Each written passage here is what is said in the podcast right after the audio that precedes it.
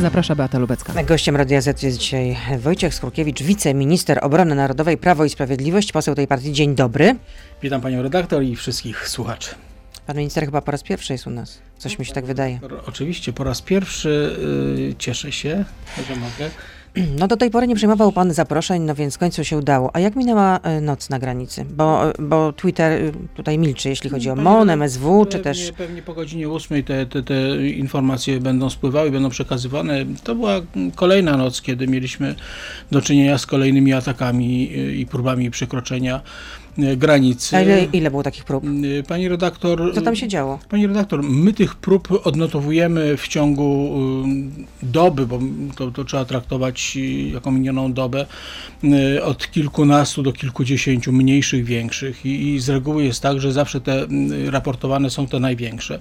To, co dostrzegamy w ostatnich dniach, to też zmiana nieco kierunku, gdzie imigranci próbują przekraczać granice, bo do tej pory było zdecydowana większość to było na terenie województwa podlaskiego. A teraz? coraz więcej jest prób podejmowanych na terenie województwa lubelskiego, czyli oddział y, nadburzański y, Straży Granicznej i tam odnotowujemy y, takie przypadki y, bardzo niebezpieczne, bo, bo to są gromadzone, y, gromadzeni imigranci przy y, brzegu Bugu, bo tam zdecydowana większość granicy jest na Bugu, próby przekra- przekraczania przez pontony, są zawracane te pontony tak samo, więc to jest sytuacja do, o, tyle niepokojąca, że y, dziś kontakt w takiej temperaturze, dziś w Warszawie pada śnieg, pani redaktor, to, to też y, pokazuje, jest y, też i A wiadomo, że na wschodzie dla- temperatury są jeszcze niższe. Dokładnie tak, więc, więc ta sytuacja jest y, cały czas y, bardzo dynamiczna. Ale czy coś się wydarzyło konkretnie tej nocy? Pani redaktor, no, jeżeli, chodzi, jeżeli chodzi o zabezpieczenie ze strony wojskowej, to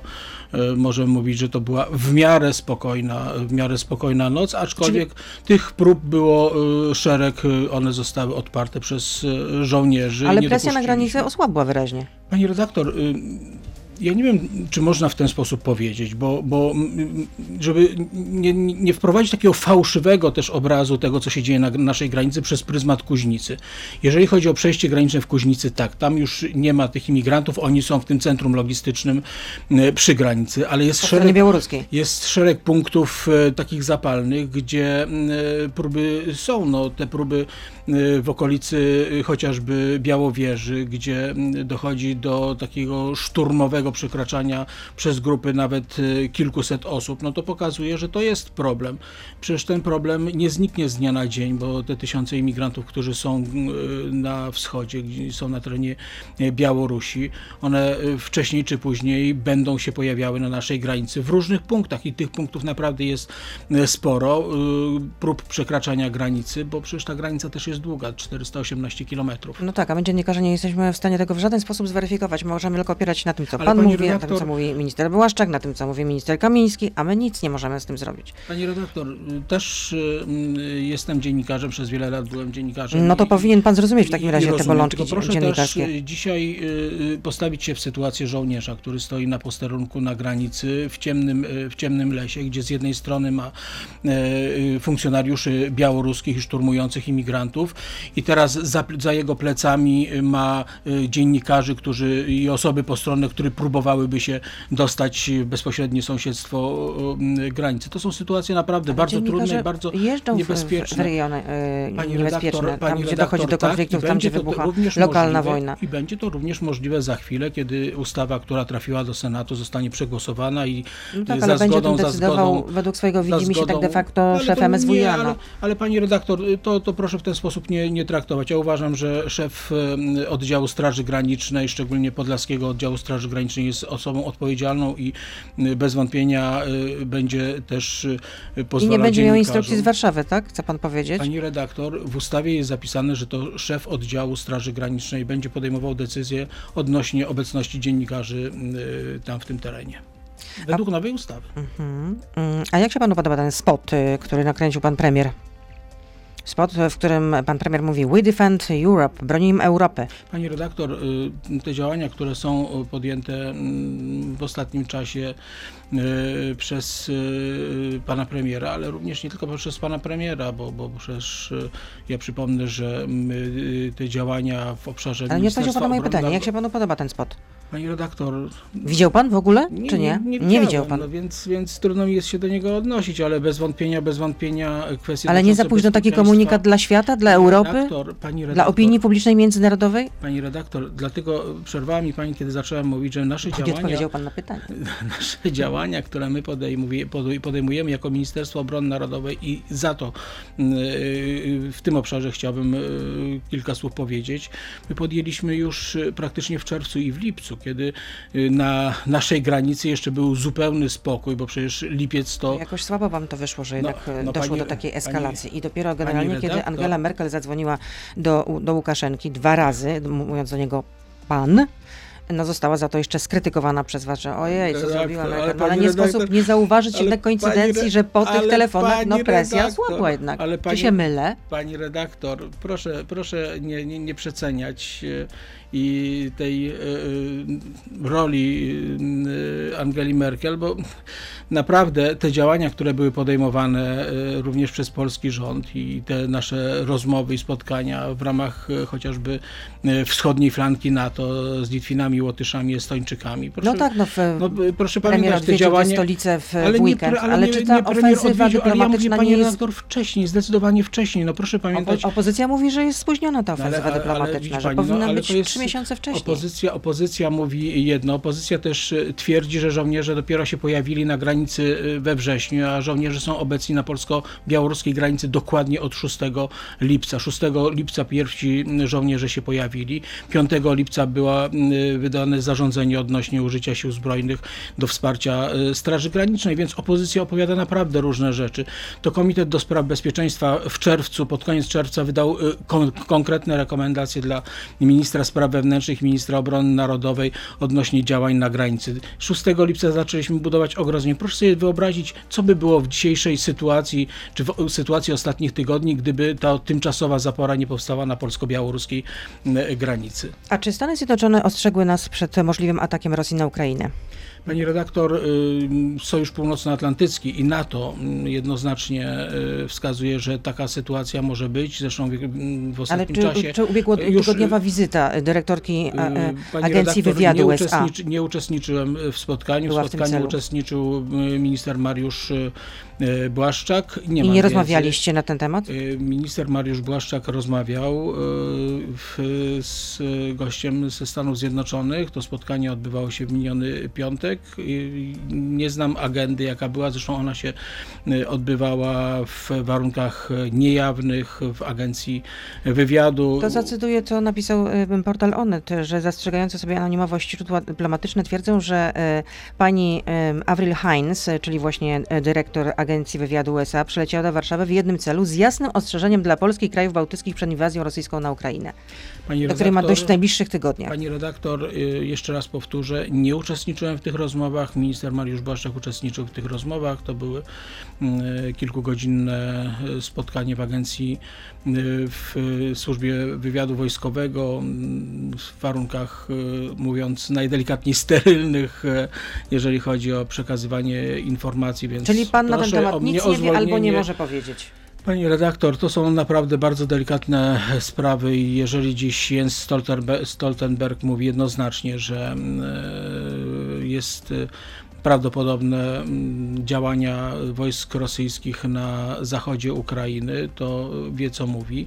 Tym bardziej, że my od szeregu dni, a nawet tygodni obserwujemy wzmożony ruch e, wojsk rosyjskich w tych zachodnich, w zachodnich e, częściach Rosji, więc tutaj wschód Ukrainy jest bez wątpienia mm, zagrożony. Tym bardziej, że proszę pamiętać, że ta sytuacja z roku 2014, ona w żaden sposób nie została do końca rozwiązana. Przypominam ten Czyli format miński, który miał Tutaj format musimy miński, postawić który pauzę, miał, panie ministrze. Tu musimy po, e, poka- postawić pauzę. Jesteśmy już teraz na Facebooku, na Radio ZPL, na YouTubie, więc proszę zostać z nami. Pan minister z nami zostaje. Beata Lubecka, zapraszam.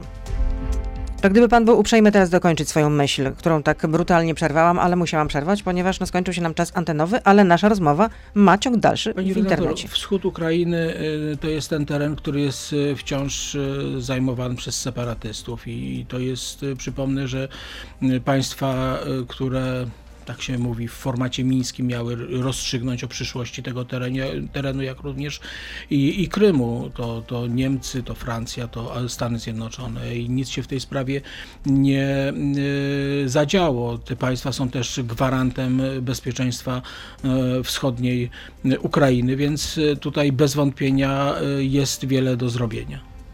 A dlaczego rząd pozostaje obojętny na apele Kościoła w sprawie migrantów na granicy?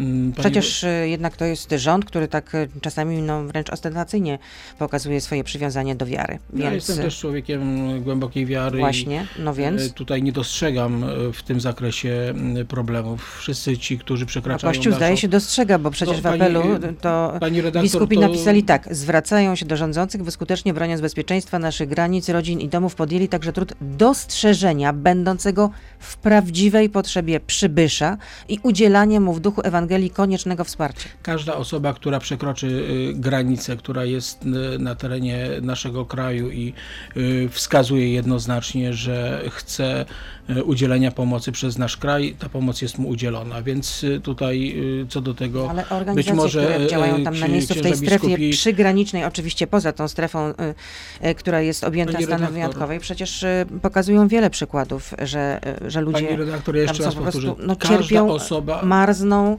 potrzebują pomocy. Każda osoba, która poprosi o taką pomoc, taka pomoc zostaje jej udzielona, jeżeli chce pozostać na terenie Rzeczpospolitej, a nie informuje, że nie interesuje jej Polska, tylko Berlin, chcą wyjechać na Berlin. To są sytuacje, kiedy my nie możemy w takiej sytuacji udzielić Czyli bezpośredniej wszystko pomocy. jest w porządku. No to wczoraj y, gościem Radia Z był y, biskup y, Krzysztof Zadarko zapewne e, znany mm, e, panu ministrowi, delegat e, konferencji Episkopatu Polski w sprawie, do spraw imigracji i mówił tak, mam pretensje do rządzących, że używając tylko narracji niechęci, buduje się w społeczeństwie ogólną niechęć i utwierdza się ludzi w przekonaniu, by ich nie przyjmować, bo są podejrzani, ich, czyli imigrantów. Jesteśmy świadkami stygmatyzowania tych, którzy pomagają migrantom, oskarżanie kogoś, że jest piątą kolumną, pożytecznym idiotą Putina czy Łukaszenki jest nieodpowiedzialne, to jest przyłożenie ręki do jeszcze gorszej sytuacji niż ta, którą mamy. A czy ksiądz biskup wypowiedział się też y, odnośnie żołnierzy, którzy są lżeni wyzywani przez y, różnych polityków, którzy bronią bezpieczeństwa Ale kiedy, kiedy ojczyzny? no, a, pani redaktor, no przypomnę. Ja ostatnio nie słyszałam takich. Y, ostatnio ale ja też nie słyszałem głosu ze strony hierarchów, którzy by bronili żołnierzy, którzy wypełniają rotę przysięgi, rotę przysięgi, przypomnę, biskup i którzy, też, i którzy też bronią, mówił o poświęceniu. I którzy bronią i bronią Biskup Zadarko granicy. też mówił o poświęceniu żołnierzy i o tym, że y, y, Kościół się modli również w ich intencji. Pani redaktor, nie słyszałem takiej wypowiedzi, żeby ktoś y, piętnował te osoby, którzy lżą żołnierzy, Ale którzy są na granicy.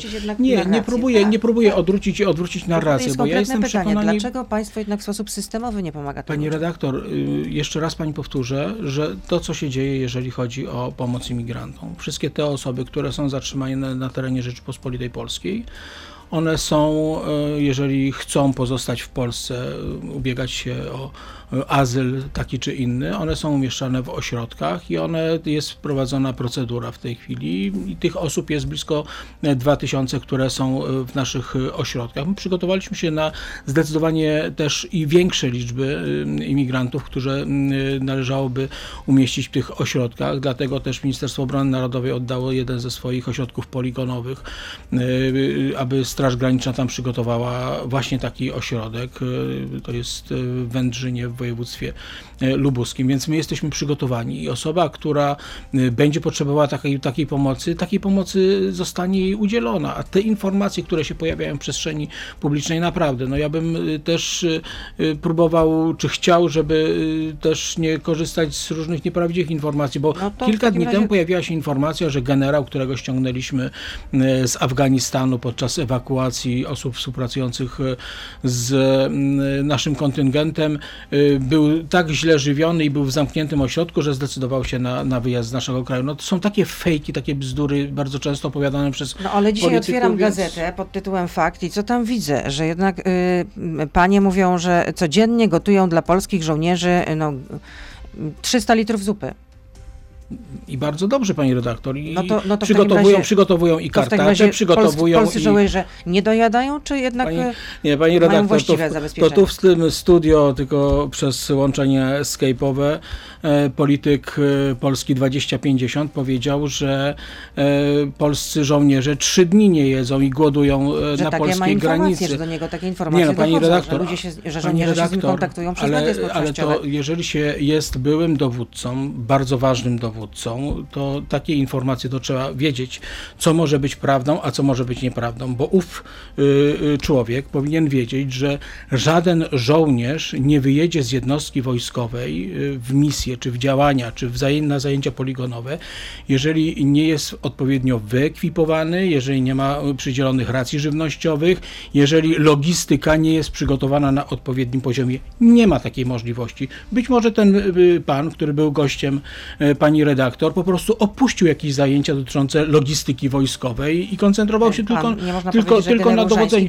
Nie, ale wie pani co, wie pani co, jeżeli, jeżeli, jeżeli jest się już politykiem, to y, być może to jest tak, że trzeba powiedzieć, że jestem politykiem, będę potępiał wszystko w czambu, to co robią rządzący i już, bo dzisiaj taka argumentacja, która y, mówi, że żołnierze że chodzą głodni, że żołnierze nie dojadają, że żołnierze trzy dni Nie głodują. że żołnierze chodzą głodni, po prostu Pani redaktor, no ale kontekst, ale sygnały, no. kontekst, kontekst wypowiedzi był jednoznaczny. No, mógł sobie po prostu darować to, naprawdę mógł sobie to darować. Dobrze, ja tylko w, em, tytułem sprostowania powiedziałam, że tych e, 300 litrów te panie gotują Tak, zupy. ale nie, 300 właśnie- porcji, a to jest ale nie, nie, ale nie, no ale to jest czy 300 litrów, czy 300 porcji, No i pani mówią, redaktor, jedna z tych pani mówi tak, żadna... no każdy chce zjeść stojąc na tym zimnie, bo stojąc tyle godzin, to przecież nic Oczywiście, łatwego. pani redaktor, i my bardzo dziękujemy, i to wielokrotnie mi powtarzał i minister Mariusz Błaszczak, i minister Kamiński, ja wielokrotnie też e, mówiłem, e, naprawdę bardzo dziękujemy kołom gospodyń wiejskich, e, osobom skupionym wokół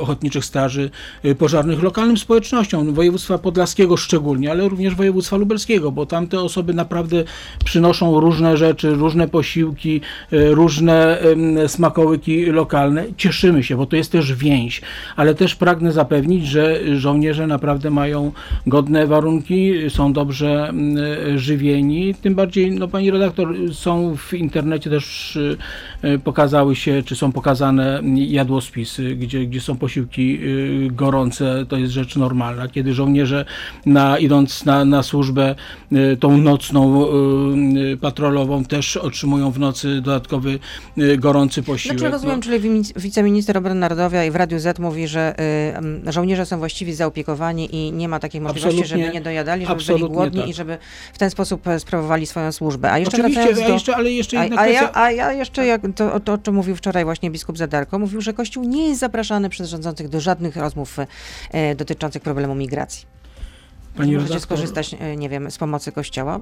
Zacytuję, nie jesteśmy zapraszani do rozmów, e, w, w jaki sposób Kościół czy organizacje pozarządowe mogłyby stanąć obok instytucji rządowych, żeby ogarnąć temat migrantów i uchodźców i odpowiedzieć ad- adekwatnie do Pani sytuacji. redaktor, jeszcze raz powtórzę. Urząd do Spraw Cudzoziemców, Ministerstwo Spraw Wewnętrznych i Administracji, Straż Graniczna to jest y, ten obszar, który się y, kwestiami migracyjnymi y, zajmuje w I naszym... Kościół ma się nie wtrącać, nas- rozumiem, Nie, tak? absolutnie nie. No, pani redaktor, no, w zeszłym tygodniu odbyłem długą rozmowę z księdzem profesorem Cisło, który też wiele, wiele rzeczy bardzo dobrych robi i po, pomaga tym, którzy być może noszą się z zamiarem y, wyjazdu do lepszego świata na zachód, bo pomaga tym ludziom y, tam na miejscu i w tym y, terenach zdegradowanych, zniszczonych zawieruchami wojny. I ta pomoc naprawdę jest bardzo wymierna tam na miejscu. Jeżeli chodzi o Polskę, mamy środki finansowe, mamy pieniądze, mamy ośrodki, jesteśmy do tego przygotowani, aby tę pomoc nieść. Więc tutaj, jeżeli Kościół katolicki chce, czy każdy inny chce się włączyć w tę pomoc, przecież No chyba w minioną niedzielę, w minioną ludzi, niedzielę była zbiórka lasach, prowadzona w e, kościele. są e, zmęczeni, są e, przemarznięci. No, skąd, skąd też ofiary śmiertelne, no, jeśli tak jest Pani wszystko redaktor, prostu ale fantastycznie pani redaktor, ale pani sobie zdaje sprawę, że granica 418 km, gdzie w zdecydowanej części jest zapora em, przygotowana z koncertiny, która uniemożliwia przechodzenie, ale są wciąż miejsca na naszej granicy, gdzie ludzie, którzy to są przemytnicy ludzi, wciąż są i te grupy zdarzają się. One są później na terenie naszego kraju identyfikowane i są zatrzymywane, ale to są sytuacje, które się zdarzają. Straż Graniczna uważa, że około 5% spośród tych, które osób, które szturmują granice, y, udaje się takiej grupie przejść polsko-białoruską granicę. Proszę pamiętać również o innej jeszcze dodatkowej kwestii, że my bardzo wiele osób identyfikujemy, które przechodzą przez granicę polsko, czy przejeżdżają przez granicę polsko-litewską od strony litewskiej. Te osoby, które często są zatrzymane, zatrzymywane w drodze gdzieś na krajowej ósemce, czy, czy gdzieś bliżej Zachód. Są bardzo często osoby, które przekroczyły nielegalnie granicę białorusko-litewską i później one udają się tym szlakiem migracyjnym e, na zachód. Więc tutaj ta sytuacja naprawdę jest e, bardzo skomplikowana. Jeżeli chodzi o zabezpieczenie naszej granicy. Pan mówi, że wszystko jest pod, e, pod kontrolą, ale czy osoby niosące pomocy na granicy są szykanowane i zastraszane? Nie, nie wydaje mi się, żeby tak było. Grupa Granica, która pomaga migrantom, mhm. na Twitterze napisała, docierają do nas, dociera do nas coraz więcej niepokojących sygnałów o zastraszaniu i szykanowaniu osób niosących pomoc na granicy, przeszukiwanie samochodów, wstrzymywanie akcji pomocowych to ostatnia codzienność. Funkcjonariusze coraz częściej ukrywają swoją tożsamość. No widzi pani, a kilka tygodni temu ogłosili, że e, to żołnierze, którzy przyjechali wojskowymi samochodami, zniszczyli im pojazdy, a, a mamy... To byli medycy na, no na tak, granicy. a mamy, a mamy, a no, mamy... ale, mamy, ale, ale było mamy no rzeczywiście, no tak pięć samochodów zostało zniszczonych. No tak, ale, ale policja zatrzymała osoby, które są związane z, tym, z tą działalnością i z tym y, skandalicznym wybrykiem i zostały to osoby i to absolutnie nie byli żołnierze, a to oskarżenie, które z ich z ust zostało wypowiedziane, było adresowane w kierunku żołnierzy. A czy teraz Frontex będziecie prosić, prosić o pomoc? Pani redaktor, my z Frontexem jesteśmy cały czas w kontakcie od y, bardzo długiego czasu. Ale no, czytałam samego, Pana samego... wypowiedź, że chcemy i angażujemy Frontex do readmisji migrantów. Tak, Pani redaktor, te słowa wypowiedziałem przed komisją senacką, która mówiła o zaangażowaniu wojska na granicy polsko-białoruskiej, bo to jest jeden z elementów działalności Frontexu i chcemy... I na czym ta współpraca chcemy, polega? Chcemy, też będzie chcemy, polegać? Chcemy, aby Frontex podjął wyzwanie wyzwanie żebyśmy te osoby, które e, wydalamy z Polski na teren kraju pochodzenia, czyli w tym przypadku do Iraku, żeby Frontex się zaangażował i umożliwił nam, czy pomógł nam w readmisji tych e, osób. Ale w jaki sposób konkretnie? E, bezpośrednie nawiązanie kontaktów ze stroną iracką. My przygotowaliśmy już we wrześniu transport tych, którzy powinni być wydaleni z terenu Rzeczpospolitej. Niestety strona iracka odmówiła E, zgody na lądowanie e, samolotu wojskowego e, w Iraku, więc tutaj w tym Czyli przypadku... My chcemy odwozić przy... te osoby, transportować te osoby z granicy? Nie z granicy, tylko te osoby, które są w naszych ośrodkach, gdzie jest wszczęte postępowanie o udzielenie pobytu. Jeżeli te osoby się nie kwalifikują do tego, aby udzielić im zgody na pobyt... To mają być odesłane do miejsca, skąd pochodzą? Samolotami tak, pani redaktor, wojskowymi, tak? Pani redaktor, tak, oczywiście, no bo przypomnę, że w maju, od czego się też y, te pierwsze symptomy, które odczytywaliśmy mm, y, kryzysu migracyjnego na granicy polsko-białoruskiej. Bo przypomnę, w, w maju Łukaszenka wypowiedział umowę o readmisji i nie ma możliwości, aby te osoby zwrócić do ostatniego kraju, gdzie y, były legalnie przebywały, bo przecież te wszystkie osoby na terenie Białorusi przebywają w oparciu o, o wizę turystyczną. Więc pozostaje nam readmisja do miejsca pochodzenia i dlatego też tutaj niezbędna jest współpraca z Frontexem. Wojciech Skurkiewicz jest naszym gościem, wiceszef MON. Panie ministrze, czy to prawda, że posłowie Prawa i Sprawiedliwości wycofują swoje podpisy pod projektem ustawy, który zezwalałby pracodawcy na sprawdzanie, czy pracownicy są zaszczepieni na COVID-19?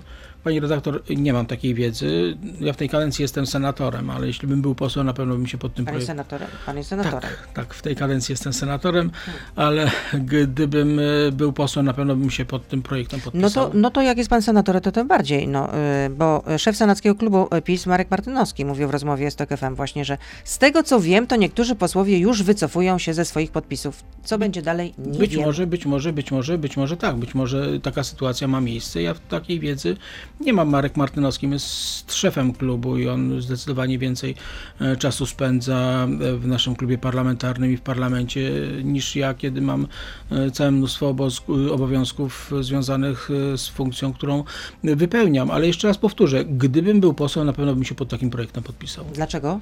Pani redaktor, bo uważam, że ta sytuacja, która jest dzisiaj, ta sytuacja, którą, z którą mamy do czynienia, rozwoju pandemii, czy w ogóle pandemii, pracodawca E, powinien być świadomy i mieć wiedzę, czy pracownik jego jest zaszczepiony, czy też nie jest zaszczepiony, czy jest potencjalnym zagrożeniem dla pozostałych pracowników, e, czy też nie. Ja przypomnę, że. Jeśli nie jest zaszczepiony, to co będzie mógł zrobić w takim razie pracodawca? Pani redaktor, będzie mógł podjąć różne działania, chociażby odesłać na zdalną pracę, czy, czy stworzyć inne warunki y, pracy dla takiego pracownika. No, ale zdaje się, że chyba w waszym klubie jest jednak opór, no, chociażby Anna Maria Siarkowska No bez wątpienia, ale pani redaktor, ten, naprawdę w tym obszarze... Że chyba kogoś Bóg opuścił, napisała na Twitterze. No, ale pani Anna Siarkowska no, jest y, znana z bardzo y, soczystych wypowiedzi, szczególnie w obszarze, którym ma inne zdanie, ale ma do tego absolutnie prawo. Nasz klub parlamentarny jest e,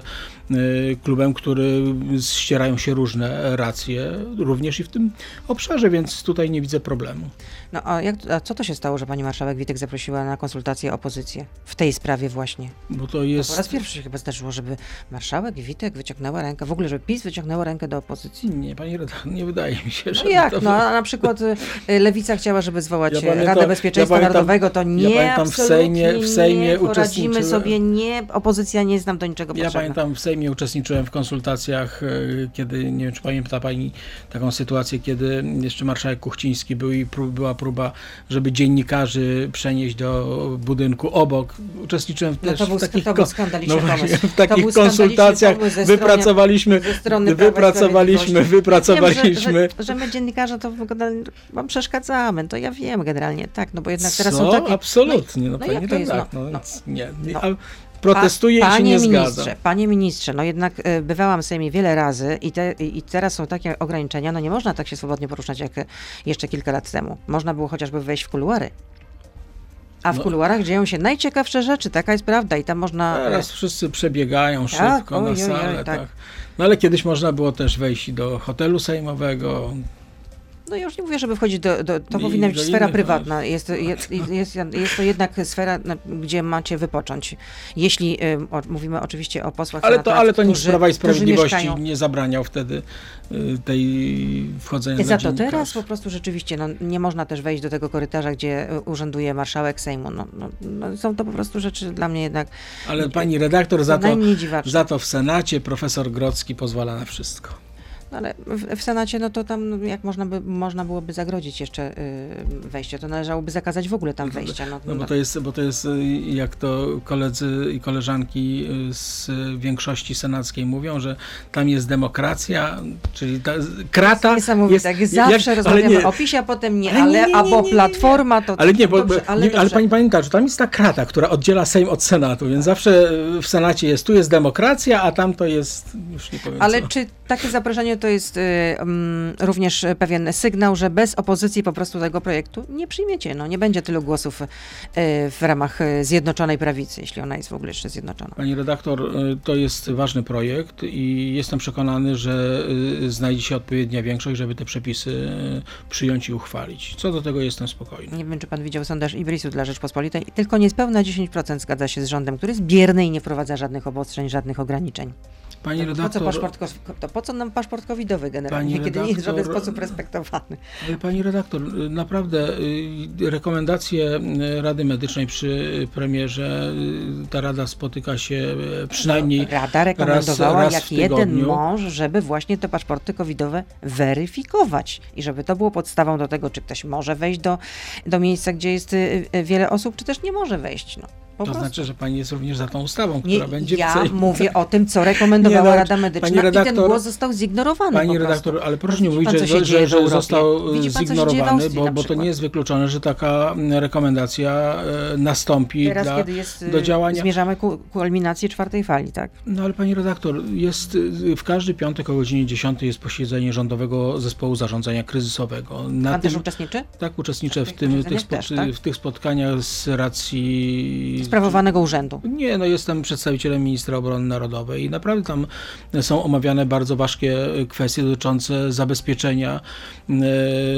i instytucji, i Polaków, i, sytuacji, jak ona się rozwija, i również e, jakie są perspektywy e, najbliższe, jeżeli chodzi o pandemię e, koronawirusa. I ta sytuacja naprawdę jest e, bardzo, bardzo dynamiczna. No, proszę pamiętać też o, o jednej kwestii. No to rekomendacje jednoznacznie Rady Medycznej y, i, i wskazania później premiera dla ministra zdrowia y, skutkowały tym, że dzisiaj nie mamy wie, wie, większego problemu, jeżeli chodzi o obszar służby e, zdrowia, o szpitale, Ale o mamy szpitale tymczasowe, o mamy łóżka i tak dalej, że tak mamy dalej. dużą liczbę zakażeń i jest wysoka liczba Pani zgonów, redaktor, niestety. zgadzam się z panią i To to, jest, i to jest poważny i to jest, i to jest poważny problem. Moja córka wróciła w ubiegłą niedzielę e, z Wiednia, gdzie mówi, że tam na każdym kroku jest e, problem, jeżeli chodzi o wejście, o obecność.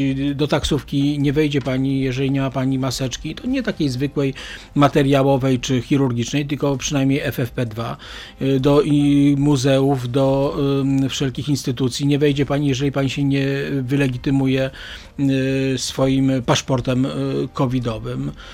I jestem przekonany, że również takie zmiany czekają pewnie i nas w przyszłości. Czyli nie to- wyklucza pan, że paszporty covidowe będą redaktor, e. oczywiście, oczywiście, że nie. No, nie. Nie można wykluczyć, no bo jeżeli, jeżeli, jeżeli ta pandemia będzie w dalszym ciągu e, się zwiększała, jeżeli minister Niedziel, Niedzielski wskazuje, że no możemy mieć, możemy mieć nawet wiele 25 czy osób 30 się nie tysięcy. zaszczepiło, no więc będzie się zwiększała. Panie no, po redaktor, no i właśnie to jest ko- kolejna kwestia, bo y, wiele osób się nie zaszczepiło i, i myślę, że tutaj odpowiedzialność społeczna powinna być y, jednoznaczna. My dzisiaj rozmawiamy na temat antyszczepionkowców i czy oni dobrze robią, że, że y, działają, czy źle robią, że działają. No, uczestniczyłem w jednej z dyskusji y, telewizyjnych, gdzie zostałem jakby wdeptany w ziemię za to, że, że jestem przeciwko e, antyszczepionkowcom i uważam, że powinni być wszyscy e, zaszczepieni. Ja jestem zaszczepiony dwoma dawkami, moje nastoletnie córki są również zaszczepione. Będzie panu e, potrzebna trzecia dawka, potwierdzająca. 20, 27 będę, 27 grudnia będę mógł przyjąć trzecią dawkę i na pewno na, początku przyszłego roku y, tę dawkę przypominającą y, przyjmę, bo uważam i wiem i, i widzę też dramat ludzi, którzy y, nawet zdarza się, że do mnie dzwonią z pomocą, żeby im pomóc, bo są w sytuacji skrajnego niebezpieczeństwa, jeżeli chodzi o chorobę covidową. A dlaczego? Dlatego, że się nie zaszczepili. I to jest ta, brak tej odpowiedzialności, yy, a może mi się uda. Nie, nie uda się, bo to jest naprawdę bardzo. mm, No, ale czekanie, że to samo minie, to generalnie tam naprawdę to nie redaktor, minie. ktoś, ktoś mądry powiedział Ale na jak- początku. To, to jest taki, taki ten ktoś mądry. Ktoś mądry, już bo nie chcę przywoływać, przywoływać yy, nazwiska, powiedział, że yy, z pandemią koronawirusa, czy z koronawirusem trzeba się nauczyć żyć. Bo on będzie nam już towarzyszył przez yy, długie lata i rzeczywiście trzeba się nauczyć żyć. Dystans, maseczka, dezynfekcja to Pan są te Niedzielski nie kwestie. wyklucza, że będziemy się musieli zaszczepić e- ewentualnie, przynajmniej ci, którzy są zaszczepieni przez czwarty raz i piąty raz, że być może co roku. No, ra- nie, nie, nie sposób tego Tak, wykluczyć. panie też. redaktor, to pamiętajmy, że, to że jest- to jest, to jest e, wirus, który bardzo szybko Mhm. e, mutuje i to jest też e, wyzwanie dla mm, wszystkich tych, którzy opracowują Od kolejne dziś e, można się warianty. e, zaszczepić e, za darmo przeciwko grypie. Od 18 roku życia. No właśnie, i myśli pan, że tak. ile osób z tego skorzysta? Nie wiem, wiem, że jeszcze miesiąc temu y, to też było omawiane w ramach Rządowego Zespołu Bo pan Zarządzania, prezydent mówił, że to zarządzania kryzysowego. y, Było bardzo duże zainteresowanie, jeżeli chodzi o szczepienie grypą i pan premier polecił y, Rządowej Agencji Rezerw Strategicznych zakupienie dodatkowych porcji szczepionki, więc jest pod dostatkiem. Każdy, kto będzie chciał się zaszczepić, na pewno się zaszczepi. E, Jest pytanie od słuchacza. Co pan sądzi, panie ministrze, o pomyśle utworzenia wojskowej szkoły operatorów dronów? Wojna w górskim Karabachu chyba dobitnie pokazała, że współczesne pole walki zmierza w tym kierunku. Pani redaktor, ym, cenna uwaga, ym, ale my już od szeregu lat ym, działamy w tym zakresie. Y, Lotnicza Akademia Wojskowa w Dęblinie prowadzi y, z jednej strony to jest kierunek e, studiów e, dla operatu, e, operatorów bezzałogowych statków powietrznych, ale również zintensyfikowane kursy dla wszystkich tych operatorów tutaj w tym obszarze wojskowym. Prowadzimy to od szeregu lat, mamy bardzo dobrych specjalistów, więc tutaj szkolimy i to jest, przynosi bardzo dobre efekty. Dwa lata temu do francuskiej marynarki wojennej trafił pierwszy z sześciu atomowych okrętów podwodnych. Dwa kolejne są w budowie. Ile okrętów podwodnych w czynnej służbie miała polska maryna- marynarka sześć lat temu, gdy przejmowaliście odpowiedzialność za Polskę, a ile ma teraz? ORP Orzeł, który jest e, w tej chwili w remoncie. Oczywiście e, sprawa okrętów podwodnych to jest e, temat, który cały czas Czyli teraz mamy zero. gości, gości i pojawia się. Tak, pani redaktor, Kobeny wyszły ze służby, jest ORP Orzeł. Mieliśmy m, przyrzeczoną e, propozycję działań pomostowych ze strony Szwedów. Niestety m, e, stanęło to na niczym, bo, bo te dwa okręty, które miały trafić do polskiej marynarki, niestety y, nie trafią. Działamy, jesteśmy w tym obszarze y, po rozmowach y, z, w dwóch obszarach, ale to jeszcze jest za wcześnie, żeby na ten temat mówić. Bez wątpienia mm, sprawa marynarki wojennej, szczególnie jeżeli chodzi o okręty podwodne, musi być w najbliższym czasie rozwiązana. Ale co znaczy w najbliższym czasie? No bo w najbliższym czasie, bo Ale są jakieś e, realne plany, czy to pan Tak, są teraz realne, takie są- są- życzeniowe, no nie, że realny muszą redaktor być są, e, rozwiązane? No, ale musi być rozwiązana, bo dlatego, że jeżeli nie, pod, nie, nie zostaną podjęte konkretne e, działania, to my stracimy kompetencje w tym obszarze, a nie możemy e, stracić w tym obszarze e, kompetencji, bo mamy załogi, szkolimy e, marynarzy, szkolimy załogi, więc my musimy utrzymać nasze zdolności e, w takiej czy innej formie. Mam na myśli formę pomostową albo bezpośredniego zakupu. Dziękuję za Na pewno, rozmowę. na pewno nie będziemy kupować okrętów o napędzie atomowych, bo, atomowym, no bo to nie, Morze Bałtyckie nie jest akwenem, które, na którym można by na takich e, operować. Wojciech Surkiewicz, wiceminister obrony narodowej był z nami, senator Prawa i Sprawiedliwości. Chyba się zafiksowałam na tego posła, nie wiem dlaczego. Czasami się człowiek zafiksuje na czymś, więc... bo przecież pan był senatorem w poprzedniej kadencji jeszcze. Nie, nie, senatorem byłem wcześniej, później w A, poprzedniej no kadencji byłem A, no posłem, a no obecnie właśnie. wróciłem z I teraz znowu jest senat w takim razie, dobrze. E, Zdrowia życzę nieustająco. Bardzo do dziękuję. usłyszenia, do zobaczenia, kłaniam się. Do zobaczenia. To był gość Radia Z. Słuchaj codziennie w Radio Z i na player radioz.pl.